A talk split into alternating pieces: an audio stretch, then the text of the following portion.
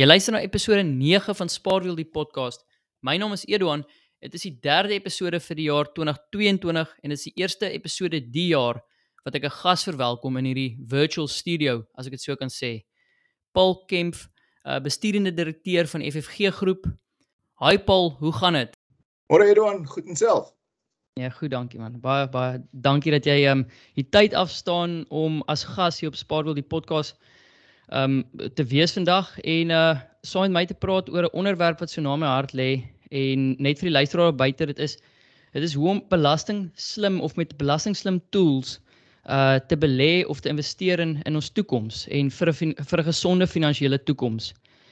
Nou dis dit is geen geen geen geheim nie. Paul, jy is 'n heavyweight as ek nou die Engelse um boksterm kan gebruik in die finansiële persoonlike finansiële industrie. Maar voor ek jou vra om jouself um voor te stel aan die luisteraars, wil ek net weer vir jou en ook vir almal op buite sê waarom pod, waarom hierdie podcast bestaan. Waarom bestaan Spaarwiel? En kyk, ons het almal deur skool en ons het basies niks van persoonlike finansies geleer nie. Ons het baie oor geld gepraat, baie geleer oor ekonomie en daai tipe dinge, maar ons het nie so seer geleer van persoonlike finansies nie en wat weet daar's soveel soveel powerful tools wat, wat vir ons kon geleer gewees het. En dit is my droom en my passie dat ons deur Spaarwiel die podcast nie net op skole vlak nie en hopelik op skole vlak eendag, maar ook weet geselsies om die braaivuur um net bietjie aanpas. Dit ons nie net praat oor oor die weer en praat oor gaan jag en golf en daai dinge nie, maar ook mekaar mekaar te sorg, vir mekaar te sorg sodat ons elkeen 'n klein bietjie beter word met ons persoonlike finansies En ehm um, ja, dat daai dat dit oorslaan en en en oordra in ons huishoudings in in ons verhoudings in ons huwelike en ook in ons vriendskappe in. Maar dis nou 'n redelike lang lang ehm um, inleiding, maar Paul, net van jou kant af, ek ek wil jou vra om jouself voor te stel aan die luisteraar en en ook wat is wat is jou rol by FFG en wie kortliks is FFG? Eduard, net voor ek dit doen, baie dankie vir die voorreg om uh, vandag met jou te kan gesels en met jou luisteraars te kan gesels. Um ek waardeer dit regtig baie. Um na daai inleiding van jou, uh, wil ek heel hartig met jou saamstem. Dis een van die goed wat ek baie passievol is oor is en dit is uh finansiële opvoeding. Um want ek dink dit is iets wat um ongelooflik belangrik is en definitief agterweeg gelaat word. So Ek hoop regtig ek kan vandag 'n bietjie waardevolle inligting met julle deel. Uh en ek hoop daar's eers iets in vandag se podcast wat iemand ter harte kan neem en wat kan help om 'n verandering te maak in mense se finansiële lewens in die toekoms. Um Edouan, ek is die besturende direkteur van die FFG groep hierso in Suid-Afrika. Um ek is in hierdie posisie al van 2015 af. Ek is seker al so 16 jaar by die maatskappy en ek het maar deur die jare ehm um, beweeg deur die hiërargie van FFG na hierdie posisie waarna ek nou is en uh op daai pad uh betrokke gewees by individuele finansiële advies advies vir kliënte maar ook aan die korporatiewe kant veral waar ek baie kliënte en groot kliënte geadviseer het oor uh, werknemersvoordele, mediese fondsvoordele en eintlik maar enige aspek uh van die finansiële ehm um, versekeringsbedryf hier in Suid-Afrika. Ehm um, en alhoewel my rol as besturende direkteur van die FFG groep uh tot 'n groot mate 'n uh, uh operasionele rol is en 'n leierskapsrol is, sien ek my rol, die belangrikste deel van my rol in FFG, uh sien ek absoluut as 'n mentorskaprol. En dit is ook die die deel van my werk wat vir my die heel lekkerste is is om jong mense in ons besigheid te sien groei, is om mense iets te probeer leer in ons besigheid van hoe jy met kliënte werk, hoe jy advies doen, uh, hoe jy omkyk na kliënte se belange. Want ek glo as ek elke eerdere personeel het in FFG kan kry om ehm um, uh, na kliënte te kyk soos ek na kliënte kyk uh, en ehm um, vir kliënte omgee en omgee oor hulle belange, dan het ek geen twyfel daaroor dat ons maatskappy suksesvol gaan wees. So dis my rol en dis die belangrikste deel van my rol in die FFG groep. Ek uh, aanvaar dit beantwoord jou vraag. Ja nee, dit dit doen definitief en het, ek gaan geen geheim van maak. Ek het nou so 'n bietjie vooraf my huiswerk gedoen op jou net net vinnig, nou nie in ure nie, maar die ding wat ek raak gelees het ook op LinkedIn is is jou is jou passie vir onderrig of jou passie vir mentorskap en uh, ja, dit word nou al so mooi opgesom en um in daai in daai inleiding wat jy nou ook gegee het. So so baie baie dankie daarvoor. Ja, nou na die onderwerp toe van die dag, want um ek wil baie graag soos ek vroeër gesê het, praat oor uh enige enige tools as ek maar weer die Engelse woord kan gebruik. Um vir wat Suid-Afrikaners of Suid-Afrikaanse belastingbetalers het tot, of tot hulle beskikking het om hulle finansiële toekoms so klein bietjie te streamline. En en en wat ek spesifiek hiervan praat, ek praat oor die langtermyn um medium tot langtermyn beleggingsplanne of of of wat ook al is. Nou in in jou opinie, watse watse tools is daar vir vir vir die Suid-Afrikaanse belastingbetaler om vir 'n finansiële toekoms, 'n gesonde finansiële toekoms te sorg en dan boonop nog belasting effektief ook daarvoor te sorg? Ek wil die vraag beantwoord Edouard deur eers te sê, um ek kom baie keer by kliënte en wanneer ek met hulle oor hierdie goed begin praat, dan sê hulle nee, maar dis baie kompleks vir hulle en hulle verstaan nie mooi hierdie hierdie wêreld nie en jy weet hulle is dankbaar vir die advies en ons dankbaar vir die hulp. Ehm um, maar dit voel vir my mense dink dis 'n baie komplekse omgewing. Die die goeie nuus is as gevolg van wetgewing veranderings, as gevolg van produkontwikkeling, as gevolg van veranderings in ons industrie, glo ek die ehm um, pensioen beleggings ehm um, omgewing in Suid-Afrika het actually minder kompleks geraak. Ehm um, dit wat in die laaste paar jaar gebeur het, het veroorsaak dat ons sit met minder opsies as voorheen.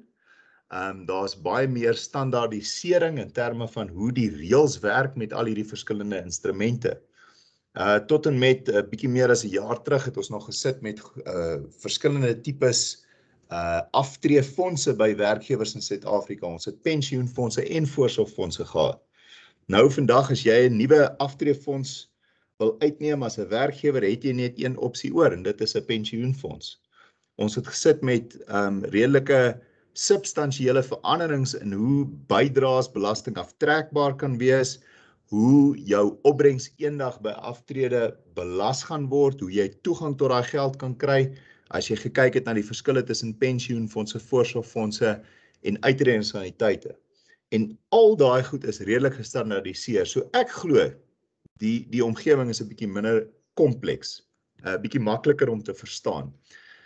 Nou in kort om jou vraag te antwoord, daar is baie verskillende maniere wat jy jou geld kan belê vir aftrede. Ehm um, ek uh dink dis is dis 'n goeie punt in hierdie gesprek om dan net seker te maak dat almal baie mooi verstaan wat luister na hierdie podcast vandag dat ehm um, die inligting wat ek gee kan ongelukkig onder geen omstandighede gesien word as advies nie. Dit is glad nie my intensie dat enigiemand luister na hierdie podcast en dan sekere finansiële besluite gaan neem of sekere finansiële produkte uitneem nie. Ek glo dit is nog steeds ongelooflik belangrik dat jy interaksie het met 'n finansiële adviseur wat jy kan vertrou. En daai is vir my 'n baie belangrike woord. Iemand wat vertroue uh skep in jou interaksies met hulle en dat so 'n persoon jou help om vir jou advies te gee wat by jou omstandighede staan. En dis hoekom hierdie vrywaring so belangrik is, want elke mens se omstandighede is anders. En ehm um, een produk kan dalk baie goed werk vir een persoon, maar glad nie goed werk vir 'n ander persoon nie. So dit is net vir my belangrik dat die luisteraars daai verstaan. Maar om dan jou vraag direk te beantwoord, jy kan basies enigiets gebruik om geld te spaar vir jou aftrede. My gunsteling voorbeeld om te gebruik is Bitcoin. Ek is baie seker daarvan ons almal het al gehoor van mense wat verskriklik baie geld uit Bitcoin uitgemaak het.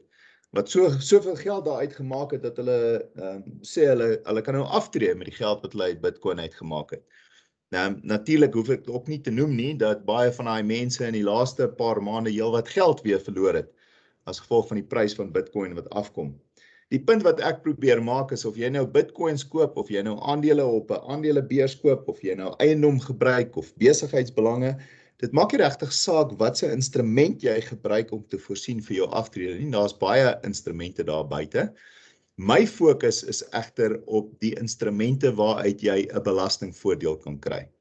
En daar is daar net ehm um, twee instrumente oor in Suid-Afrika waar jy 'n belastingvoordeel kan kry.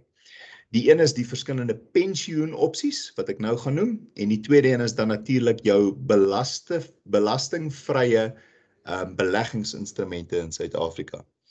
As ons eerstens kan praat oor die pensioenfonds um instrumente wat beskikbaar is, soos ek gesê het, baie meer minder kompleks deesdae. Daar's eintlik net twee instrumente. Die een is 'n pensioenfonds en die ander een is 'n uitredingsaniteit.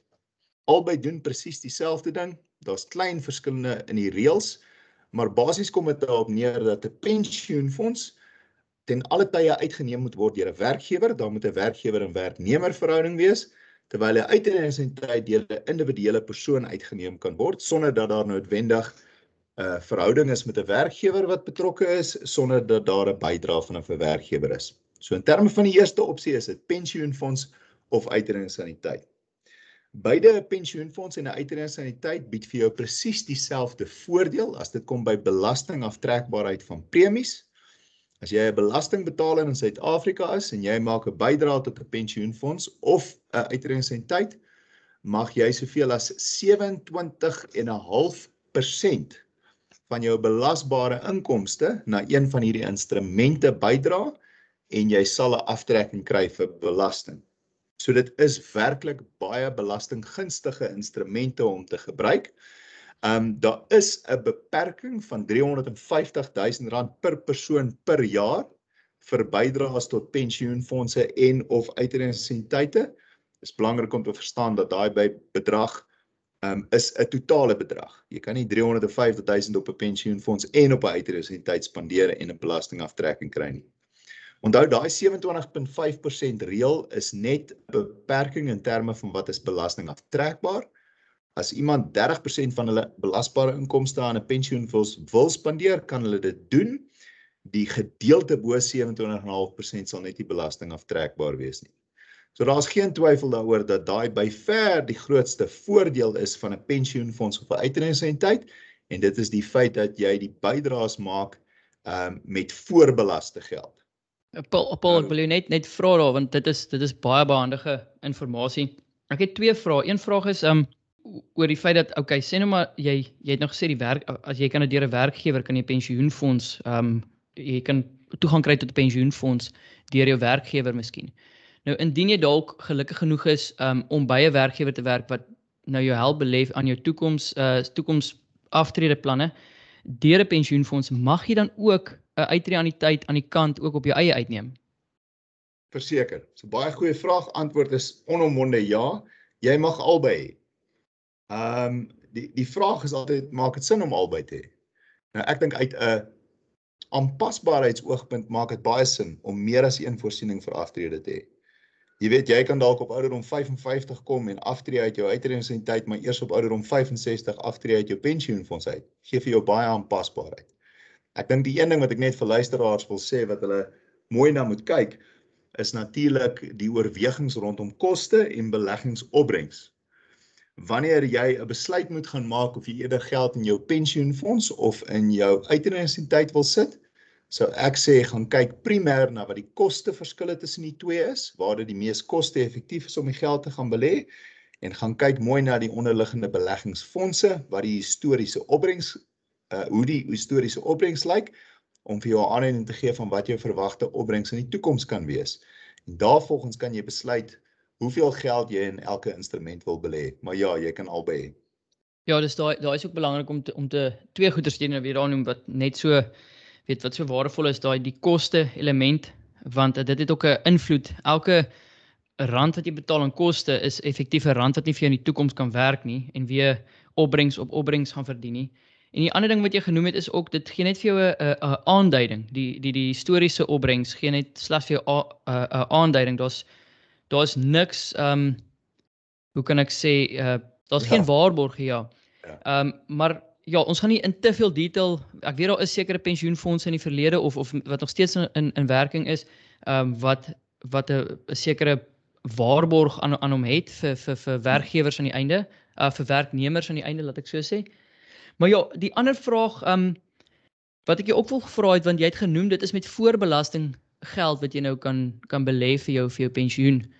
En is daar verskil tussen wanneer jy deur jou werkgewer 'n pensioenfonds het en wanneer jy op jou eie 'n uh, uh, uitreaniteit het oor hoe daai voorbelastinggeld werk. Is dit altyd eers dat jy moet uh, terugeis van SARS af Of is dit dat mens miskien al ehm um, vooraf bietjie minder belasting betaal sou jy op in 'n pensioen behoort by jou werkgewer?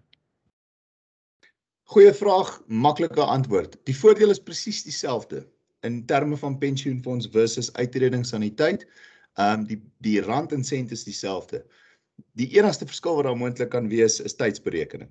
En natuurlik speel tydwaarde van geld 'n rol hier. Want oor die algemeen wanneer jy uitredingsaniteit uitneem, doen jy dit in jou persoonlike hoedanigheid, jy betaal dit uit jou eie bankrekening uit.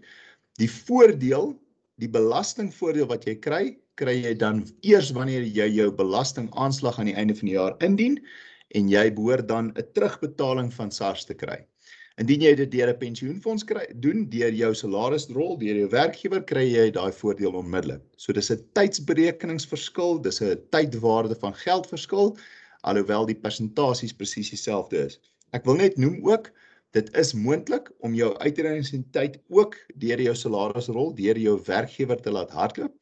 Die die premie of die debietorder gaan af by die werkgewer se rekening die werkgewer ehm um, dui die aftrekking aan op jou ehm um, salarisstrokie en jy kan ook op daai manier onmiddellik die belastingvoordeel van 'n uitredingstyd geniet net soos op 'n pensioenfonds. Sjoe, daar leer ek nou uh daar leer ek definitief heeltemal heeltemal iets nuuts. Ek het ek het van meeste van die ander dinge geweet. Ehm um, nou nie noodwendig die die wêreld se se kennis soos jy nie, maar daar leer ek daai tydsberekening is nogal belangrik. Ek glo ek glo die die die tydwaarde van geld is definitief 'n belangrike komponent om in in ag te neem. En en neem net in gedagte ook, dis nou nie altyd dat 'n werkgewer gaan bereid wees om deur die administrasie te gaan van jou toelaat om 'n uitredings in die tyd te laai op die salarisrol nie. Maar ja, maar dit waar. is wel 'n opsie. Dis waar. So is daar ehm um, is daar nadele as ek mag vra op op op pensioenspaar? Is daar is daar sekere uh voorvereistes of ander nadele wat jy wat spesifiek vir jou sou sou maak dat jy um dalk nie of dat jy iemand dalk sal aanraai om nie 'n uh, deur 'n pensioenfonds of 'n of 'n uitreaniteit te belê vir hulle toekoms nie. Sonder enige twyfel en ons moet gesels oor daai nadele, ons kan nie net praat oor die voordele nie. Die voordeel is gelukkig in my opinie groot genoeg dat dit tot 'n groot mate die nadele uitkanselleer. Die eerste groot nadeel is toegang. Dis belangrik om te verstaan dat daar baie streng reëls ten opsigte van toegang tot jou geld is indien jy geld in 'n pensioenfonds of 'n uitreisentyd belê. Ons begin by die uitreidingsentiteit. Die reël is die maklikste om te verduidelik. Geen toegang tot ouderdom 55.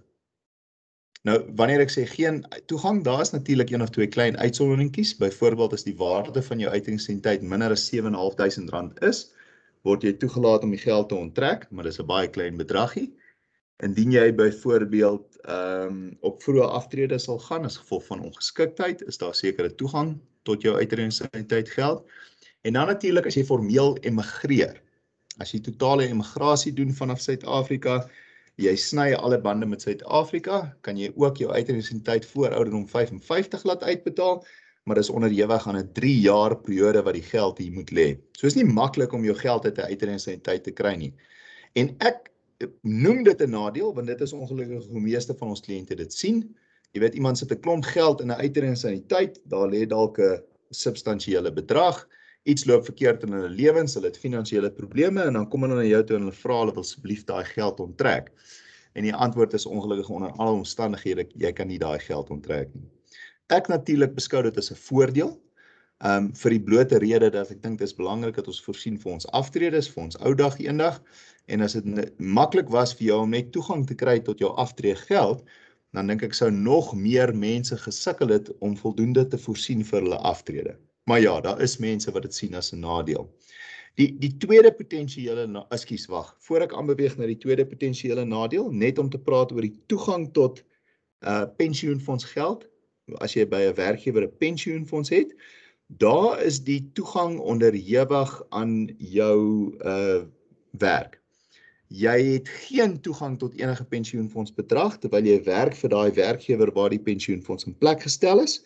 So jy kan net toegang tot dit kry indien jy aftree of voor ouderdom 55 as jy jou werk termineer. Het sy deur bedanking, ehm um, deur aflegging, ehm um, as jou werkgewer jou fire. Daai is die enigste tyd wat jy toegang tot jou pensioenfonds geld kan kry. So dis die beperking op toegang wat ek as die eerste nadeel beskou, maar soos ek vir jou sê, ek dink dit kan 'n voordeel ook wees. Die tweede nadeel um in baie mense se se um uit baie mense se oogpunt is die toegang tot die geld by aftrede. Beide 'n pensioenfonds en 'n uitredingsentiteit het baie duidelike reëls. En dit is dat jy slegs toegang tot 1/3 van jou geld na aftrede kan kry as 'n kontant lompsom. Die balans van 2/3 moet belê word vir 'n inkomste in Suid-Afrika, 'n pensioeninkomste. Nou hier wil ek weer eens sê, ek noem dit 'n nadeel want baie van ons kliënte hou nie van die die tekort aan aanpasbaarheid wat daar is en tekort aan keuses wat jy het ten opsigte van aftrede nie. Ek dink nou weerlik weer natuurlik vir baie uh kliënte is dit 'n voordeel want dit beskerm jou teen jouself. Die feit dat jy nie toegang kan kry tot jou paar miljoen rand se aftreevoorsieningsgeld op ouderdom 55 en 3 jaar later het jy niks oor nie, dink ek kan 'n groot voordeel wees. Die feit dat jy daai inkomste net op 'n maandelikse basis kan trek. Maar dis die twee vinnige nadele wat ek aan kan dink. En uh, miskien nog een ander enetjie wat ek net kan noem in Suid-Afrika. Ons noem dit ehm um, wetgewing rondom regulasie 28 en dit is dat daar sekere beperkings is in hoe jy die geld kan belê. Jy mag dalk indien jy 'n jong persoon is in jou 20s of 30s, mag jy dalk glo dit maak sin om jou aftrede geld 100% in byvoorbeeld aandele te belê. Ehm um, jy voel daai risiko is gepas vir jou risikoprofiel. Regulasie 28 plaas 'n beperking op byvoorbeeld die hoeveelheid geld wat jy in aandele kan betaal, uh belê. Dieselfde met oorseese beleggings. Daar's 'n baie duidelike beperking in hoeveel van jou pensioenfondsgeld jy in 'n oorseese belegging kan plaas. Maar weer eens, ek dink daai wetgewing is daar vir sekere beskerming vir beleggers, maar daai is basies die drie nadele wat ek aan kan dink Edwan in terme van pensioenfondse en uitredingsaniteite. Paul, ja, dis nogal is nogal duidelik. Um twee goed is hier vir my duidelik dat hierdie nadele wat jy nou noem, is nie noodwendig 'n nadeel nie. Dit is daar uh vir ja. beskerming. En ehm um, die ander ding wat ook vir my opvallend is, ons bly in die buiteland in in in Europa en die regulasie 28 is nie van toepassing op Nederlanders nie. So as hulle vir hulle hulle pensioen wil belê, daar's ook baie beperkings en baie beskermingmaatreëls daar, maar jy mag 100% in aandele belê. So dis nogal 'n opvallende verskil teenoor 'n Suid-Afrikaner. So dit is nogal 'n dis nogal 'n belangrike verskil daai of nie 'n belangrike verskil, is eintlik irrelevant vir iemand wat dan nie die twee kan vergelyk nie, maar dit is opvallend laat ek dit so stel. Daar leer ek ook iets vandag. Dankie Edwin. nou ek dink dit gebeur baie nie maar ek gaan probeer laat jy laat ek, ek dit was ten minste my doel laat jy ook iets vandag leer. So dit is dit is great. Ons moet elke dag ietsie leer. Paul ek wil so. oorskuif um weg van die pensioenkant af. Um dan na 'n meer toeganklike opsie dalk. Na of of of laat ek sê Edwin ek gaan jou moet in die rede val van groot om verskoning maar ek kan nie aangaan na die belastingvrye beleggingsopsies voor ek die laaste voordeel van 'n pensioen of 'n uitredingsentiteit genoem het, maar dit is Perfect, vir my so 'n belangrike een wat nie almal noodwendig altyd onthou nie. En dit is in Suid-Afrika is die reëls baie duidelik, die wetgewing is baie duidelik. Alle opbrengs wat jy in 'n pensioenfonds of in 'n uitredingsentiteit verdien, is belastingvry tot die dag wat jy aftree. Wat ek net mooi verduidelik, dit beteken enige rente wat jy verdien in daai belegging, gaan jy geen inkomstebelasting op betaal nie. En enige kapitaalwins wat jy maak op die aandele waarin jy byvoorbeeld belê het, sal nooit onder die weewig wees aan kapitaalwinsbelasting nie. In my opinie 'n baie groot voordeel. Maar net dat daar nie 'n misverstand is by enige luisteraars nie. Onthou wanneer jy op 55 kom en die opbrengs van hierdie pensioenfonds op uitredingsentiteit neem, dan is daar wel moontlike belasting. Daar's baie groot belastingvoordele, daar's baie groot belastingvrye bedrae by aftrede. Byvoorbeeld heidaglik in Suid-Afrika is die eerste half miljoen rand van geld wat jy uit 'n pensioenfonds of uitredingssentiteit onttrek by aftrede belastingvry, maar dit is belangrik om te verstaan dat daar sekere belastingimplikasies by aftrede is.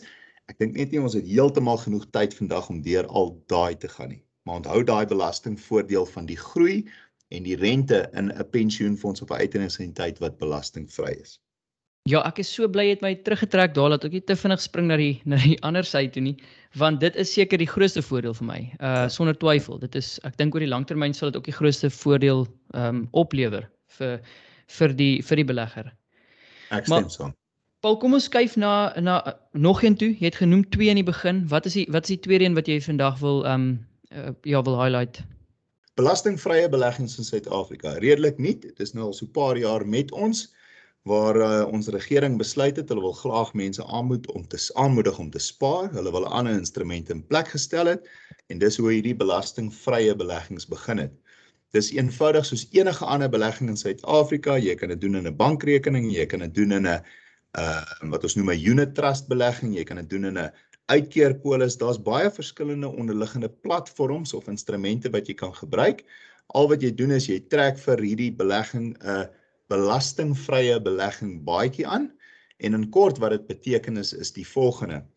Alle groei, alle rente wat jy verdien, nooit onderhewig aan inkomstebelasting of kapitaalwinsbelasting nie. Weereens 'n baie groot voordeel. Um paar beperkings wat daar is. Jy mag 'n maksimum van R36000 per persoon per jaar belê in hierdie belastingvrye beleggings en 'n maksimum van 'n half miljoen rand in jou leeftyd. Maar weer eens, as mense na my toe kom en hulle vra waar is die eerste plek wat jy sal voorstel ek van my geld belê, sal ek meeste van die tyd begin by 'n belastingvrye belegging want daai voordeel om geen kapitaalwinsbelasting en geen inkomstebelasting te betaal binne so 'n belegging dink ek is ongelooflik waardevol. Ja, daai daai is baie waardevol. Ek het gister ehm um, nie nie te vind ek wil ek wil na twee goedjies skuif. Een natuurlik die nadeel dalk op op hierdie na te kyk, maar die die die volgende een ehm um, dis eintlik drie dinge wat ek wil noem. Die volgende een is dan 'n kombinasie hoe jy dalk hierdie en pensioen in 'n kombinasie kan gebruik of of of dat ek dit sê ehm um, dat jy vir jouself so half 'n karusel wiel ehm um, skep en ek sal dit nou verduidelik. Maar uh, ja, die die belangrikste vir my is ek het gister 'n ding raak gelees waaroor ek bietjie geskrik het en ek dit was op ehm um, Ellen Gray se se webwerf en dit was dat indien jy meer as 36000 'n jaar belê in hierdie belastingvrye uh, fonds, ehm um, dan kan jy ook jy, ek dink daar is dan be, belasting ehm um, jy kan so 'n belastingstraf kry of of tot en met 40% belasting betaal op dit of is dit is dit korrek het, het ek reg verstaan wat ek daar gelees het uh, uh Edwin ek moet vir jou sê ek het nou nie daai raak gelees wat jy daar gelees het nie hierso is die reël in ons besigheid jy sit nie meer as R36000 in daai instrument nie so dit maak nie eers vir my saak wat die moontlike boetes kan wees of hoe jy moontlik gestraf kan word vir dit nie dit dis 'n redelike eenvoudige reël daai en ek dink nie dis een wat mens moet oortree nie. Plaas 36000 in die belegging, enigiets meer wat jy wil belê, plaas dit elders anders. So maklik so. Om om terug te kom na jou ander twee vrae, uh, ek sal vir baie kliënte die kombinasie aanbeveel van 'n pensioenfonds of 'n uitreidingsentiteit en 'n belastingvrye belegging, want daar is voor en nadele. Onthou net mooi alhoewel al twee beleggings belastingvrye groei het, ehm um, het die pensioenfonds darm die addisionele voordeel dat jy met voorbelaste geld jou bydraes betaal. 'n Belastingvrye belegging doen jy altyd met nabelaste bydraes. Een van die nadele van 'n belastingvrye belegging ehm um, gaan gepaard met een van die voordele. So 'n voordeel van 'n belastingvrye belegging is enige toegang te enige tyd. As jy hierdie jaar gaan en jy sit R36000 in en 6 maande later het jy die geld nodig, en jy vra jy wil daai 36000 rand wil trek kan jy dit doen jy mag toegang tot die geld kry uh die nadeel wat daarmee gepaard gaan is dit um skep 'n gat binne jou belegging jy het mos nou 36000 ingesit en jy het die 36000 uitgehaal jy kan nooit weer daai 36000 rand gat volmaak nie jou lewenslange limiet in terme van hoeveel jy gaan insit is 500000 rand minus die 36000 wat jy onttrek het en daarom sê ek vir kliënte ek dink is 'n baie waardevolle uh instrument in jou arsenaal van beleggings in jou portefeulje. Maar indien jy eendag geld nodig het, is jou belastingvrye belegging moontlik die laaste plek waar jy gaan geld uithaal as gevolg van daai nadeel. OK.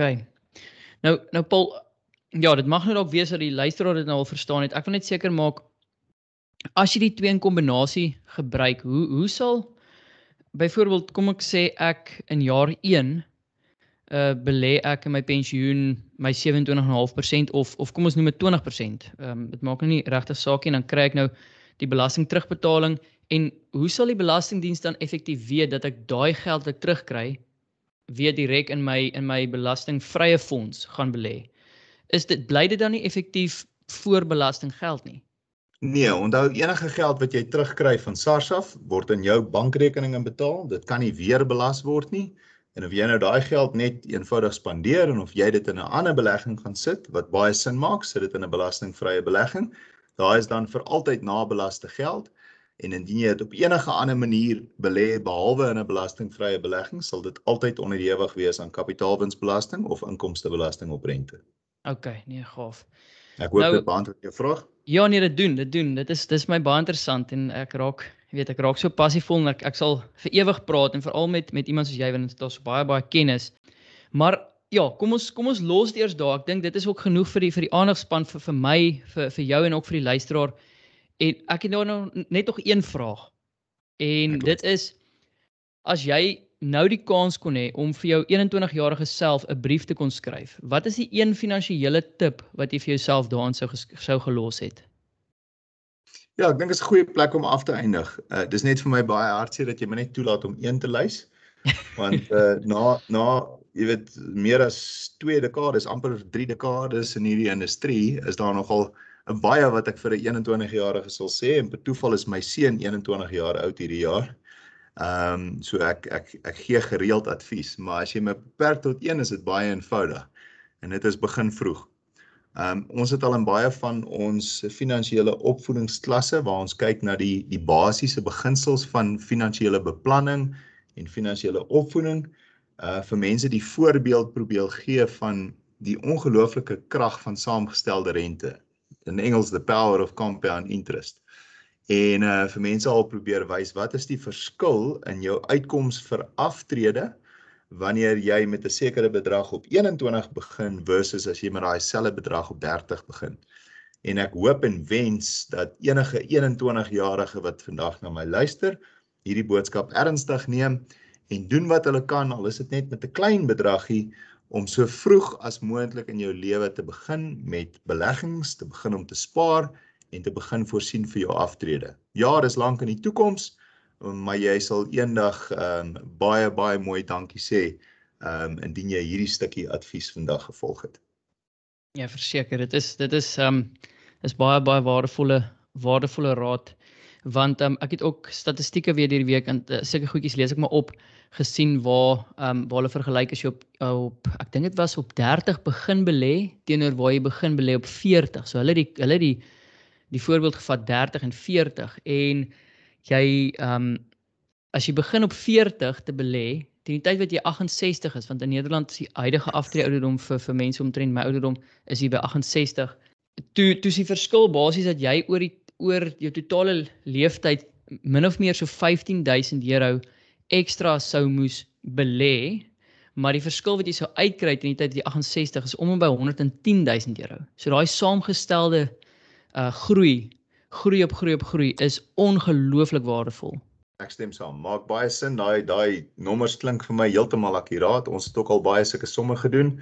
Uh dit maak 'n groot verskil as jy vroeg begin. Dan Paul, ek wil vir jou baie baie dankie sê vir jou tyd vandag, maar ek kan jou nie laat gaan sonder um een spesifieke vraag wat wat iemand in jou iemand in FFG het jou het hierdie vraag gelos en dit het niks met finansies uit te waai nie, maar dit het te doen met wat hulle noem jou party trick. Nou blykbaar blykbaar ken jy al die hoofstede reg oor die wêreld van al die lande. Dit is dit is blykbaar 'n ding uh, stem jy saam of of stem jy nie saam nie. Laat ons nou nie in die ding inklim as jy nie saamstem nie. Dis heeltemal korrek. Uh dit klink vir my hier, hier kom 'n challenge nou asof jy my hier gaan probeer uitvang in hierdie podcast, maar ek is reg af voor ek luister. M maar ek maak dit ek, sou sê dit is dit is uitdagend, maar dit is nie onmoontlik nie. Okay, so my vraag aan jou is, uh, wat is die hoofstad van Estonia? Dit is dan 'n redelike maklike eentjie, dis Tallinn en ek hoop ek het dit vinnig genoeg gegee dat julle nie dink ek het gegoogel nie. nee, ongelooflik hoor, dit is dit is regtig skerp. Paul, ek wil vir jou baie baie dankie sê vir jou tyd vandag, regtig. Ek waardeer dit en ek weet die luisteraars waardeer dit en ehm um, ja, ehm um, dit ja, wat 'n voorreg. Baie dankie.